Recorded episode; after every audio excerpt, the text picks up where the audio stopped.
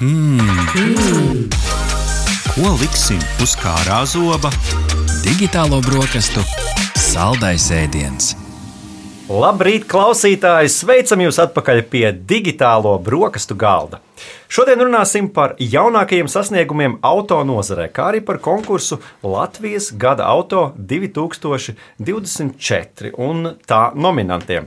Uzzināsim, kādas ir jaunākās tendences auto dizainā, drošībā, tehnoloģijās kopumā, ko varam gaidīt no 2024. gada, kādas ir sabiedrības vēlmes attiecībā uz auto izvēli un galu galā kādi auto ir nokļuvuši konkursa Latvijas gada auto 2024 uh, finālā. Un par to visu sīkāk vaicāsim mūsu šīs dienas raidījuma viesiem. Ar mums kopā ir Mārcis Ozoliņš, Latvijas gada auto organizators un i-auto redaktors. Labrīt! Un Raimons Zandovskis, Latvijas gada auto 2024 žūrijas biedrs un padomus loceklis un Delfi auto redaktors. Sveicināti! Prieks redzēt, kungi, pie digitālo brokastu galda. Šis ir pirmais tāds atskata raidījums digitālo brokastu decembra sērijā, un mums priekšā ir automašīnas. Jums savukārt priekšā ir priecīgs notikums. Mēs uzzināsim, kas tad ir tie Latvijas gada auto, kas iegūst tos lielos titulus sociālos tīklos un jau medijos varējām sekot līdzi, saprot, ka tops ir nu, Māri. Iepazīstini, pastāsti, kas ir mūsu priekšā. Es saprotu, ka uzvarētāju mēs eh, vēl šodien neatklājam, tas datums vēl tuvojās, eh, taču tops mums ir. Mēs pat esam baigā notikuma karstumā, jo arī es pat nezinu uzvarētājs, jo balsojums šobrīd notiek. Un to balso žūrija. Īstenībā mums ir arī tagad tautas balsojums, tā kā arī tauta var nobalsot, un žūrija balso. Bet mums ir pats galvenais, ka mums šogad piedalās 21 mašīna, un te ir jāsaprot tā konkursa formāts un būtība. Tie ir tikai jaunākie modeļi. Mēs nešurējam, nu, teiksim, tā var piedalīties visi, kuri tiek tirgoti Latvijā, kuriem ir savs oficiālais pārstāvs. Te mums arī ir lieli jaunumi, kam mēs pieskarsimies. Bet jā, jāsaprot, ka tie ir tikai jaunākie modeļi. Un te ir tāds datums kā 1. oktobris. Ja tā mašīna ir reģistrēta pirms 2022. gada 1. oktobra, viņa nevar piedalīties konkursā. Tikai jaunie modeļi. Mm -hmm. nu, Raimonds ieskicēja varbūt sīkāk par to konkursu, kas tad ir tie, kas vērtē. Jo, ja cilvēki nav sekojuši līdzi nu, kas tad ir tie, kas nosaka, kas tad ir tie gada auto, kā atrod to, kas tad ir tas tops. Žūrijā šogad mums bija 16, nu, ir 16 žūrijas biedri, bet nu, 14 tikai no tiem kvalificējās balsojumam pēdējiem, jo kāpēc divi netika? Mums kvalificējas balsojumam tie, kur ir izbraukuši ar visām automašīnām. Mm. Bija viens žūrijas biedrs, kurš tur praktiski nevienu neizbrauc, jo viņam tur tā, tā ka mums ir tā lielā testu braukšana trīs dienas, viņš nevienā dienā nevarēja tikt, mm -hmm. un viens nepaspēja izbraukt kaut kādām trim mašīnām. Mm -hmm. nu, līdz ar to uh, tu, tu nevari arī... Pamatīgs darbs. Jā. Un kas, kas kas ir žūrijā, mums ir būtībā tādi divi bloki. Viens ir autožurnālisti un profesionāli tie teiksim, lielo autoparku uh, vadītāji, piemēram, valsts mēži, Latvijas jeb TEC, un, un tie ir, kuriem tas ir ikdienas darbs. Un tad viņi arī savu vērtējumu var iz, nu, ļoti tādu izsvērtu un ļoti objektīvu vērtējumu iz, iz, iz, izteikt. Mm -hmm. Pagājušajā gadā uzvaras Lauras Plūca Škoda Fabija. Pareizi, vai ne? Jā. Jā, un aiz sevis tur ļoti sīvā konkurencē. Es atceros, tur tie punkti bija ļoti, ļoti tuvu. Ar vienādiem punktiem. Tur bija vienādi, mm. un tad un otrajai, un trešajai un ceturtajai vietai arī bija vienādi. Arī punkti, vienādi. Jā. Nu, jā, un tad tā otrā vieta bija Volkswagen Taigo. Vai, vai šogad varētu kādas līdzīgas tendences būt gan tajā sīvajā cīņā, vai, vai arī, arī varbūt tajās automodeļos, kas tiek pie tās balvas? Es saprotu, tur ir kādi jaunumi, ko tu minēji. jaunumi ir, bet galvenie jaunumi jau ir katrs gads tomēr ir atšķirīgs. Un mēs pirmkārt nezinām, pirm, pirmo reizi vēsturē Eh, es pat teiktu, jā, ka nevis Latvijas pirmo reizi vēsturē, bet pirmo reizi Baltijas vēsturē mums konkursā ir Ķīnas auto, mm. kas ir milzīga autobūva, par kuru arī mēs ļoti maz ko zinām. Es, teiksim, tā kā es strādāju ar to profesionāli, es braucu uz izstādēm, kas notiek ne tikai Latvijā, mm. auto un, un uz dažādām prezentācijām. Tad no Ķīna nekad netika Latvija, tomēr ir ļoti mazs tirgus, varētu būt kāds trešais Eiropas Savienībā no mazākā gala bet topā. Tātad. Un ķīnieši pat nāk iekšā. Tā kā tas lielākais jaunums, ka mums ir šie ķīnieši ienākuši, un vēl mēs skatāmies, mums ir vācieši, mums ir visu laiku franči. Es domāju, ka šoreiz kas būtu zināms, ka tas četrnieks, es viņu nojaušu, bet eh, četri, četri auto varētu cīnīties pa pirmo vietu tā reāli. Mm -hmm. Nezinu, Raimondam varbūt cits domas. Uh, jā, man arī šķiet, ka varētu būt kaut kādi četri automobīļi, par kuriem arī runājot ar citiem žūrijas biedriem, ka nav viena izteikta līdera. Jo ir daži gadi, kur visi nu, zina, ka nu, šī taisa jau noteikti visticamāk uzvarēs. Bet uh, nu, jau iepriekšējā gada tā konkurence tik sīva autobūvē, ka arī šogad nu, pateikt vienu konkrēto, nu, tā uzreiz no zila gaisa nepaķers. Bet pateiksim to top 7, lai Jā, tā droši, ir zināms. Tātad kopā ir eh, 21 mašīna, tos mēs pagaidām nesaucam, bet top 7, kas žūrijas balsojumā tika, ir Citroen C4X, Nissan X-Trails, Peugeot 408, KGM Torres, Renault Austral, Hyundai Ioniq 6 un Bike Beijing X55. Okay, tad ir, ir zin, eh, teikt, vairāk dzirdētu nosaukumu, ir mazāk dzirdētu nosaukumu. Pavisam ātri par, par šiem Ķīnas spēkratiem, nu, pavisam īsi tā nokomentējot, nu, attiecībā uz Ķīnas ražojumiem. Nu, protams, tehnoloģija pasaulē ir dažādi uzskati. Ir, ir tie, kas saka, ka, ka attiecīgi telefons, piemēram, būtu vajadzētu izvairīties, citi saka ļoti labi. Tas pats attiecās uz dažādām sakarierīcēm kā auto, automobīļu pasaulē, vai tur arī ir kaut kur kaut kāda piesardzība, vai šeit mēs šādos rāmjos automobīļus neskatām? Es domāju, ka mēs droši varam skatīties, un tieši tāpat kā ar telefonos, ir kas krietni atpaliek. Piemēram, ar mums nu, tomēr ir jaka, kas ir. Mm -hmm. Tur ir vēl Mitsubishi motors, kas ir tāds, nu, diezgan pavecs, kā tirgu pieredzējis. Tad ir kas ir vēl līdzi un kopē, un ir kas jau ir pāri. Tie, kas ir pāri un tā stipri priekšā, mums vēl nav Latvijā. Mm -hmm. Bet ļoti līdzīgi var vilkt. Mm -hmm. Es tikai ātri iesprādīšu, ka tu pieminēji tās mašīnas, tur bija KGM Torres, lai cilvēki nedomā, ka tas ir vēl kaut kāds cīnietis. Tas ir Dienvidkorejietis, un visi jūs zināt, kas ir KGM pagājām, tas ir bijušais Sangjongs. Mm -hmm. Tur mainījās īpašnieki, un tad viņi izdomāja tādu nosaukumu. Nu, reka, un līdz Latvijai ir atceļojuši. Jā. Par kritērijiem. Nu, kā tad tā izvēle, vai tas ir tīri subjektīvi? Nu, es saprotu, ka katrs saliek uh, punktus vai ne no tiem žūrijas locekļiem, vai tomēr ir kaut kāda nodefinēta arī kritērija, nu, uz ko tad būtu uh, jāskatās. Nu, piemēram, uh, Kas liedz, piemēram, jaunākajam, nezinu, Dodge sportiskajam muskuļu auto kļūt par uzvarētāju? Nu, tas ir labs piemērs, ko pieminēju. Viens no galvenajiem kritērijiem ir atbilstība Latvijas tirgumam un Latvijas patērētājiem. Un tādus tos sportiskos dodžus, nu, arī tiem, kam patīk sportiskās un jaudīgās mašīnas, reti kurēs nopērk. Bet jā, katram mums ir izstrādāta kaut kāda kritērija tabula, kas ir jāpievērš uzmanība. Nu, teiksim, cena, praktiskums, ergonomija, arī dažādi dzinēju veidi un tam līdzīgi. Bet beigās, kas kuram ir tas svarīgākais, cits skatās tādu cenu kilogramā. Jā, nu, un tā beigās uzvar tā Skoda Fabija. Un tāpēc, ja mēs paskatāmies atšķirību no Igaunijas un Lietuvas konkursa, mums vairāk ir tas cena kilogramā. Jo tāpēc, ka mums ir daudz autoparku vadītāju, un viņi to total cost of ownership, uh -huh. ja to visu eksploatācijas izmaksas ļoti skrupulozi rēķina, un viņi prasa visas tās apkopju izmaksas. Jo bieži vien mašīna tu nopērc lēti, izrādās apkopēs, baigi bieži jābrauc un baigi daudz -huh. jāmaksā. Ir cita mašīna, ko tu nopērc, un tur brauc tikai reizes 30 tūkstošus uz servisu. Tā kā tur ir ļoti dažādi, kā, kā kurš to labākais skatās. vērtības piedāvājums mums uzvar parasti. Parasti jā, parasti jā. Tāpēc mums ir Skodas baigi bieži. Uzvar. Bet ņemot vērā arī nomināciju, tātad pirmkārt mums noteikti Latvijas radio klausītājus ir kāds ļoti interesants inžin ar inženieru vēlmi. Mm. Cilvēks tātad var vienkārši meklētājā ierakstīt Latvijas gada auto vērtēšanas kritēriju. Tur būs mm. vesela tabula rakstījums no gada auto mājaslapas. Tas tie ir īstie kritēriji. Mm -hmm. Bet subjektīvo, protams, nevar izsvērt, jo arī, ja mēs skatāmies mārketinga aptaujas, un es pats braucu uz ļoti daudz autoražotāju prezentācijām, izskats ir ļoti svarīgs. Ja? Mm -hmm. Finanses un izskats tās divas lietas. Bet tāpēc mums ir papildu nominācijas. Jo šogad, piemēram, lētākā mašīna ir 20,000 eiro. Bet nokomplektēta, jā, ap 21 sanāca Dacia. Un mums ir arī šogad Porsche Cayenne jaunā. Uh, Es mm kupēju, kura mums bija cena no 120 tūkstoši, bet Aha. nokomplektēta 174. Un tad ir viena vai kājiens vai deviņi dastēri, nu, piemēram, blakus. Ja? Un kaut kā ir jāizvērtē, ko tu gribi savā parkā. Un, un katram ir savas priekšrocības un arī savi mm. trūkumi. Par trūkumiem, priekšrocībām runājot, nu, mēs to septītnieku nosaucām.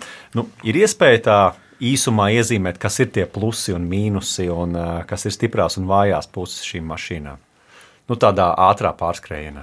Nu, es ātrā pārskrējienā pieminētu to, ka mums ir vēl topā iekļuvuši vairāk automobīļu ar veco labo iekšzemes dzinēju. Mm -hmm. Jo iepriekšējā gadā mums bija diezgan daudz elektromobīļu, un šis, šī gada konkurss atšķirās ar to, ka nav tāds e, simtprocentīgo elektromobīļu pārsvars. Mm -hmm. Tā kā mums ir diezgan liels tāds miks.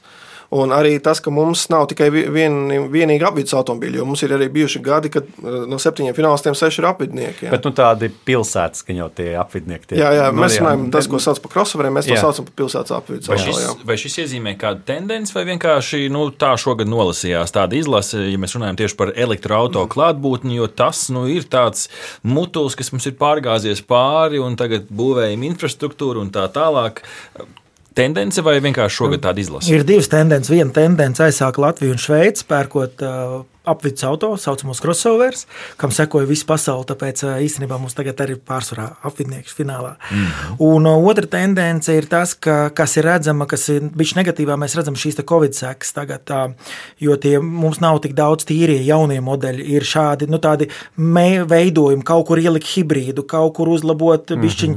Ir tāds, nu, tāds nav tāds tīrais, tas, skaistais gads. Par faceliftu vai es nezinu, Jā, faceliftu mums ir ļoti daudz šogad, un tā, tas ir parāda to, ka ir bijis gan pusi pusvadītāja krīze, ko varbūt klausītāji mazāk zina, bet tā bija nu, ļoti ilgi pat aizvilkās vēl aiz Covid, kad nevarēja dabūt mašīnas. Un tagad mēs esam citai mm. krīzē pietuvušies, ka īstenībā cenas jau sāk krist. Ņemot, jā. Es ātri piebilstu, jā, piemēram, labs piemērs par to, ka kā, kamēr mašīnas nonāk līdz mums, piemēram, ir tas elektriskais Ford Mustang Mach-E. Mm -hmm. Un uh, tas jau prezentēts jau tika, kad jau bez mazliet pirms Covidiem, bet Vai viņš pie mums atnāca pēc Covidiem un arī prasot Ford pārstāvjiem, kāpēc tā, kamēr netiks piebarota Norvēģija ar viņiem, tikmēr mēs viņu nebūsim. Oh, redz, kā tā, tā kā elektromobīļi no sākuma ir Norvēģija piebarojama, un tā kā viņi jau ir atādušies, tā viņi nāk pie mums. Jā, nu, tas, tas ir interesanti, ka tāda barības ķēde izveidojās, un kas, kas līdz Latvijai atnāk, tas, tas atnāk. Bet arī katram ražotājam viņa savādāk. Jā. Mm. Kas vada ar kuģiem, kas kuram ražo Turcijā, kuram ražo Slovākijā. Nu, Tas viss to ir baigi iespēdo. Mm -hmm. Jā, BMW mums nāk no Amerikas uh, lielie džip, uh, apvidnieki. -hmm. uh, ņemot vērā šīs tendences, bet droši vien jau ka, nu, viens ir tas, ko pasaule mums dod, ja, jo mašīnas mēs paši laikam Latvijā neražojam. uh, tad otra puse ir, ko cilvēki vispār vēlas. Un kas tad ir tās šī brīža vidējā autopircēja uh, vēlmes, vai viņam vispār tas elektro tik ļoti interesē, vai viņam, piemēram, tehnoloģijas tā, tajā mašīnā, un mēs varam skatīties ļoti plaši uz to, gan tur. Vai arī spīd cauri Latvijas praktiskais. Jā, jā, jā. Kā, kāda varbūt ir tā jūsu sajūta? par vidējo latviešu? Es par vidējo latviešu man ir labs piemērs, kad iznāk kāds foršs modelis, foršā oranžā krāsā, visur preses, un es prasu tam pārdevējiem nu, tik forša krāstai mašīnai, un kāpēc uz ielām to neredzam? Viņi saka, jā, tā, ka cilvēki pērk, viņi atķeksē to krāsu, bet, kad jāpraksta līgums, nu, ņemsim tomēr pelēkā krāsā, vieglāk būs pārdot. Un tāpēc ir tas vidējais latviečs skatās, nu, viņam gribās jā, to augstāko sēdu pozīciju, nu, tas veidīgais, protams, viņš nepērk to lielo džipu, kā tur, nu, viņš nevar to Land Cruiser nopirkt, nu, viņš ņem to mazo CHR, bet, nu, joprojām tas ir džipiņš, pelēkā krāsā, nevis kaut kādā foršajā zilajā, jo tāpēc tas būs vieglāk pārdot. Un par tām tehnoloģijām es teiktu, ka vairāk ir tā, Eh, tad, kad cilvēkiem bija jāpērk tehnoloģijas atsevišķi jāķeksē, nu, tad ne visai paņemt to standartu mm. kaut ko. Bet šobrīd eh, ražotāji un pārdevēji ļoti pako tādās pakotnēs, un tev sanāk kaut kāda tehnopaka izdevīga, un tu paņem arī kaut ko, ko tev īsti nevajag, bet tur ir tik laba cena, jo tad tu vēl dabū LED lukturs iekšā, un tu, tie tev ir patiesībā svarīgāk nekā kaut kādas tās navigācijas kartes, kuras tāpat tās izmanto telefonā. Tas kā mārketings strādā. Tā. Jā. Bet eh, tā ir tā lieta, kas arī vēl jāņem vērā. Tad mums ir tikai šie jaunie modeļi. Un kamēr viņi ir jauni, piemēram, mums ir sācies konkurss, viņi teiksim, vienu, divu mēnesi tagad tirgu. Mums ir daži, kas tikai ieradās uz to novembri, kad ir jābūt līdz ar to tās tirsniecība nav. Un tā atbilde, lai būtu skaidra, ir jāsaprot, ka tas, ko pērk šobrīd visvairāk no jaunajiem auto, ir tas, kas ir uzvarējis bišķiņu arī iepriekš. Mm -hmm. Piemēram, mēs paskatījāmies šī gada statistiku uh, no auto asociācijas. Pirtākais uh, auto, kas ir uh, saucamajos flītos vai latviski tā būs lielie parki, mm -hmm. ir Toyota Hilux un Toyota Cross. Um, Corolla Cross divi modeļi. Un privātajā segmentā atkal uzvar Skoda. Skoda uzvar ar diviem modeļiem. Viens bija Kamiks, otrs tagad nepateikšu. Tie tagad, ja mēs skatāmies, ir pirktākie modeļi. Mm -hmm. Jā, un tad mēs nu, lēnām garā nonākam līdz tām varbūt nu, lielajām tendencēm, sauksim to, to tā. Mēs jau pieminējām elektroautorātu. Tagad arī uh, nesen lasīju vienu pētījumu garām ejot, kā nu, tādā um, labojamības un, un, un būt ziņā, kur automašīnām kaut kādas pēc tam nopērkot kaut kādas kļūmes un kaut kādas misēkļi ir, ka tur kā hibrīdi diezgan labi performē kopumā. Kas varbūt ir tas ceļš, ko jūs realistiski redzat Latvijai? Skaidrs, skaidrs, ka nu, tagad elektroautorāta tas ir lielais, lielais bums. sauklis, jā, bums. Bet kas varētu būt tas, kas mums šeit Latvijā beig, beigās uzvar? Mums kādu laiku atpakaļ Rihards, kolēģis Gins Gavers no Latvijas Radio 2 nu, minēja tieši šo hibrīda pievilcīgumu. Jūs tam piekrītat un redzat to kā nākotni, vai tomēr mēs sekosim tam, ko diktēs? Nu, es iesākšu to, ka pirmkārt hibrīdi ir vairāki, nu jau nav tikai viens hibrīds. Mm -hmm. Tātad būtībā pilnīgi visi jaunie automobīļi, kaut arī tas ir simtprocentīgi benzīna vai dīzeļa, viņš ir tas saucamais vieglais, jeb mild hibrīds, nu, kur ir tas starter ģenerators. Un tad ir tas pašuzlādes hibrīds, un tad vēl ir tas uzlādējamais hibrīds. Un, teiksim, uzlādējamais hibrīds mums nav tik lieli attālumi, lai mēs kombinētu elektrību un benzīnu. Samaksātu tikpat, cik par elektromobīli, bet eh, nevarētu braukt pa autobusu joslām un pa, pa velti vecrīgā noparkoties. Tie, kas ir pašuzlādes hibrīdi, jā, tas ir ļoti labs risinājums, bet pagaidām arī tāds padārgs attiecībā pret vienkāršu mm. benzīnu. Jo mēs arī redzam, ka kādreiz cilvēki vispirka dīzeļus. Tagad jau atkal tas ir nosvēries par labu benzīniem, tā kā tomēr cilvēks vairāk pērk to gala cenu. Mm -hmm. Māri. Kā tu komentētu šo? Nu, mēs dzirdam, B, bet ir jāpasaka A un A. Pats galvenais tajā visā ir tomēr Eiropas Savienības likumdošana un jāpasaka, ir skaidri un gaiši autoražotāji. Pilnīgi visi, kas tirgo jaunus auto Eiropā, maksā ja tiek pārsniegta Eiropas Savienības ierēģa noteiktā CO2 norma par katru mašīnu noteiktu skaitu. Iedomājieties, ja viena modeļa attīstība ir daži miljardi, nemaz nerunājot, teiksim, cik ir Toyota, Volkswagen pasaulē pārdod 11, 12 miljonus auto, kas tās ir pa summām. Hibrīds, elektro, tas viss ir likumdošanas, ierobežošanas, prasību, normu, birokrātijas rezultāts. Es gribētu braukt ar V8, ja, ja jūs man prasat.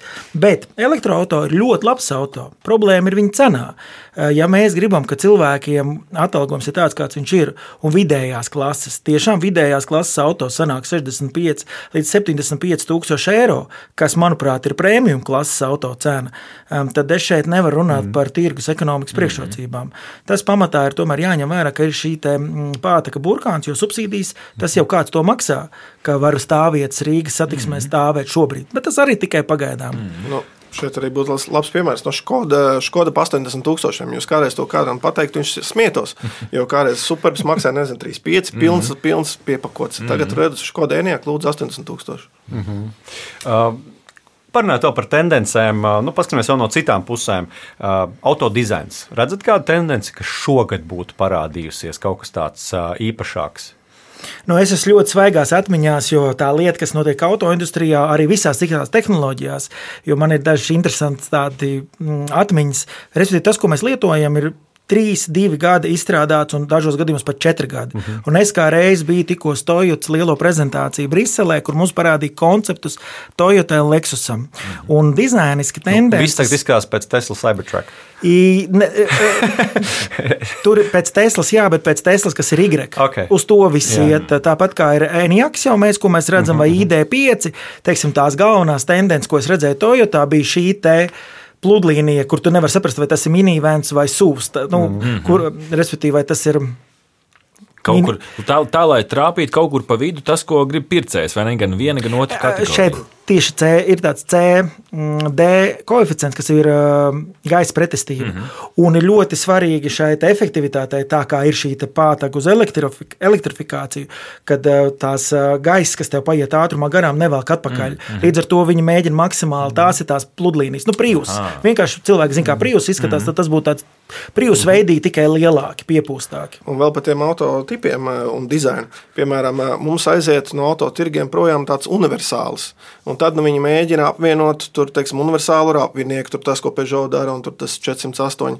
Tad mums aiziet miniveni prom. Tad paskatieties jau no Re Renault Space. Viņi sauc, ka tas ir minivens, reāli tas ir tāds džips, kuram uztaisīts tāds minivena tāda virsbūve. Mm. Arī sedani mums aiziet prom. Un tad, nu, teiksim, tā kā tie EQ, EQ sērijas Mercedes, viņi arī tādi uzpūsti tādi, nu, tā kā, tā kā sedans, tā kā. Kur universāls pazud Latvijas praktiskais vairs leduskapi negrib? Nu, viņi visi tādi pārkāp uz džipiem. Nu, um, tehnoloģijām iekšā mašīnās. Kādas tur tās tendences šobrīd ir? Varbūt redzat kaut ko jaunu, kas nāk iekšā tieši pēdējā gada laikā. Jo no mūsu tādiem nu, pāris mazajiem testiem, kas mums ir bijis, nu, man tāda sajūta, ka visi jau plus mīnus staigā līdzīgas taciņas. Kāds kaut kur mēģina kaut ko izlekt, bet. Uh... Tev vienmēr ir jāsaprot, ka ir kāds ražotājs, kas ir priekšā un kas atpaliek. Līdz ar to mēs mm. agrāk bija vienkārši izbraukt ar prēmiju auto, un tu zini, kas drīz parādīt, parādīsies budžetā. Kāds, ja nezinu, bija elektriskie logi visur, tad bija priekšā, un tad aizgāja viņi arī uz aizmuguri. Ja? Mm. Tas, ko mēs redzam tagad, tieši no konceptiem, kas ir interesanti, kas nav, kas šobrīd vēl nav nekur realizēti, nes kāpēc konceptos mēģina likt mazos ekrānus. Tādus tā kā mm. widget ekrānus, kurus var būt kā multifunkcionāla poga, bet arī, teiksim, Toyotā bija tādi mazi ekrāni, kur tu vari kā radio diskus redzēt un palikt, bet tas ir tuvu stūrei. Otra lieta, kas daļēji jau ir Tesla, īstenībā šogad ir viena no pirmajām, es nekad neesmu braucis tādu stūri, kas ir vairāk tāds pusovāls, bet ka tu vairāk tur kreisi pa labi no tādām reālajām, ko var izmērīt. Un lieta, kas ir interesanti, ir šobrīd arī konceptos, bet vai viņi ienāks reālajā dzīvē, ir tas, kas bija agrāk ļoti populārs - vienotā grīda.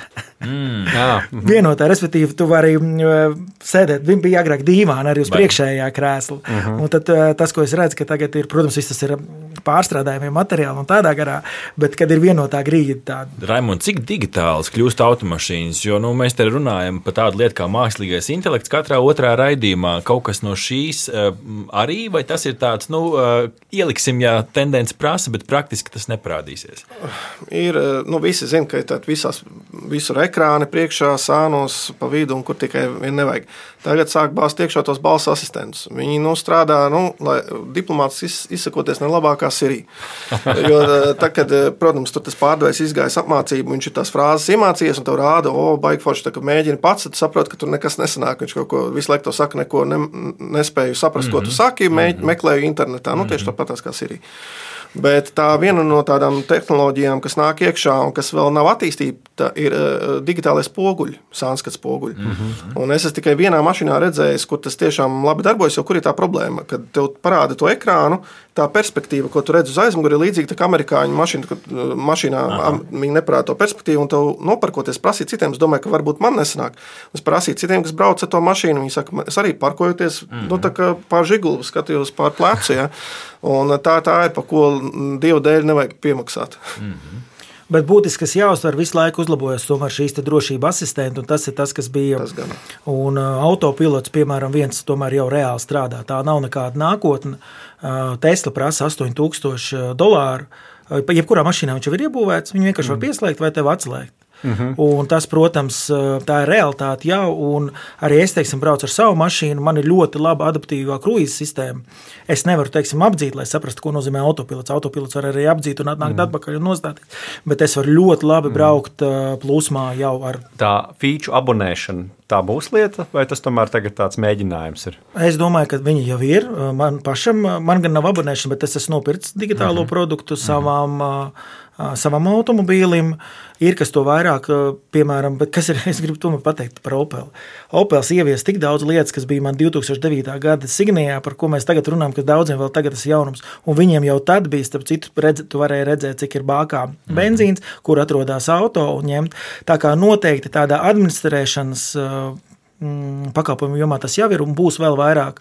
Jautājums ir, vai tas nevainīsies drīzāk abonēšana uz mašīnu principu, kā mūsu īpašumtiesības jautājums. Mm -hmm. Tas ir tāds būtiski, man liekas, moments, kas varētu būt diskutabls. Raimond, pašā noslēgumā, jā, ne abonēšanai, kāda tā nākotne? Uh, nu šeit ir labs piemērs ar BMW. BMW sāka prasīt par sēdekļu apsildu 18 eiro mēnesī. Klienti mm -hmm. bija dusmīgi, ka viņi nav gatavi maksāt par to, kas jau mašīnā ir.